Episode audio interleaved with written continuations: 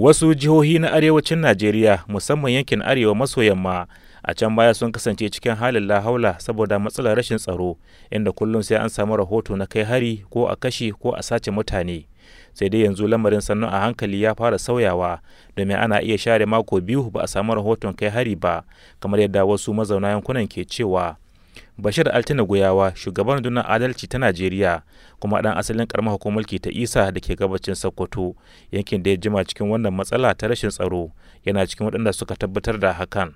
Abubuwan muna ganin maganganun da muka yi inda aka hito suna tasiri domin abubuwan ga duka alamu suna ja da baya. Domin wannan yanki ainihin na tangaza ruwa wuri wannan daji na bauni ai kaga an ceto jama'a kuma 'yan bindiga an hada da su an gwamatsa su sun karasa can wajajen iyaka da Nijar. Wannan yanki na gabacin Sokoto wannan yanki na Marno na dajin ai kaga an ceto jama'a kusan hamsin da wani abu kuma an fatattaki 'yan bindigar. Tun daga nan har abin da ya kai ainihin dajin ainihin su bubu babu shakka 'yan bindiga sun daina bullowa in ba 'yan kwanan gaba. Daga bakin isa zuwa jamhuriyar Nijar gabas daga bakin sabon birni zuwa jamhuriyar Nijar gabas wannan yanki ba a shige shi ba. Muna ƙara faɗa ma gwamnati shaƙe yake da 'yan bindiga. Mazauna yankunan sun tabbatar da cewa yanzu ana ganin jami'an tsaro suna shiga cikin dazuka suna fafatawa da 'yan bindiga. Abinda wasu ke gani baya rasa nasaba da haɗin kan da mahukunta ke samu yanzu wajen tunkarar matsalar kamar yadda farfesa bello ba da na jami'ar usman dan da ke sokoto ke gani. Abin da a zahiri wanda ya bayyana gare mu shine a arewaci har dai arewa ta yamma. An samu sababbin gwamnoni zaɓen gada an kai na shekara ta biyu da ashirin da uku. Waɗanda kuma a hakikani suna da fahimtar juna. Wannan haɗin kai ya sa suna farga ga 'yan bindiga.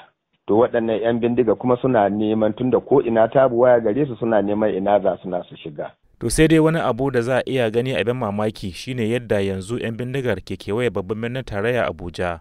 Abin da ya sa har shugaban najeriya ya gana da jami'an tsaro akan wannan matsalar. To koyaya masana tsaro ke kallon wannan lamarin? Dr. Yahuza Ahmad Getso masanin tsaro ne a Najeriya wanda kuma ya jima yana bayar da shawarwari akan lamarin tsaro.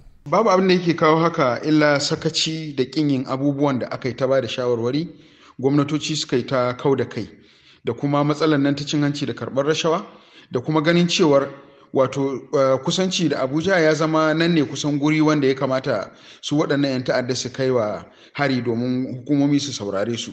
Shi kuwa shugaban rundunar adalci ta najeriya bashar altina goyawa yana mai ganin cewa muna cewa gaskiya mun an samu nasara wasu wurare amma birnin na abuja shi gashi na ana kewaya tai. Domin ainihin waɗannan kasurgumayen yan bindiga dukkan su wanda ne an ka kawas.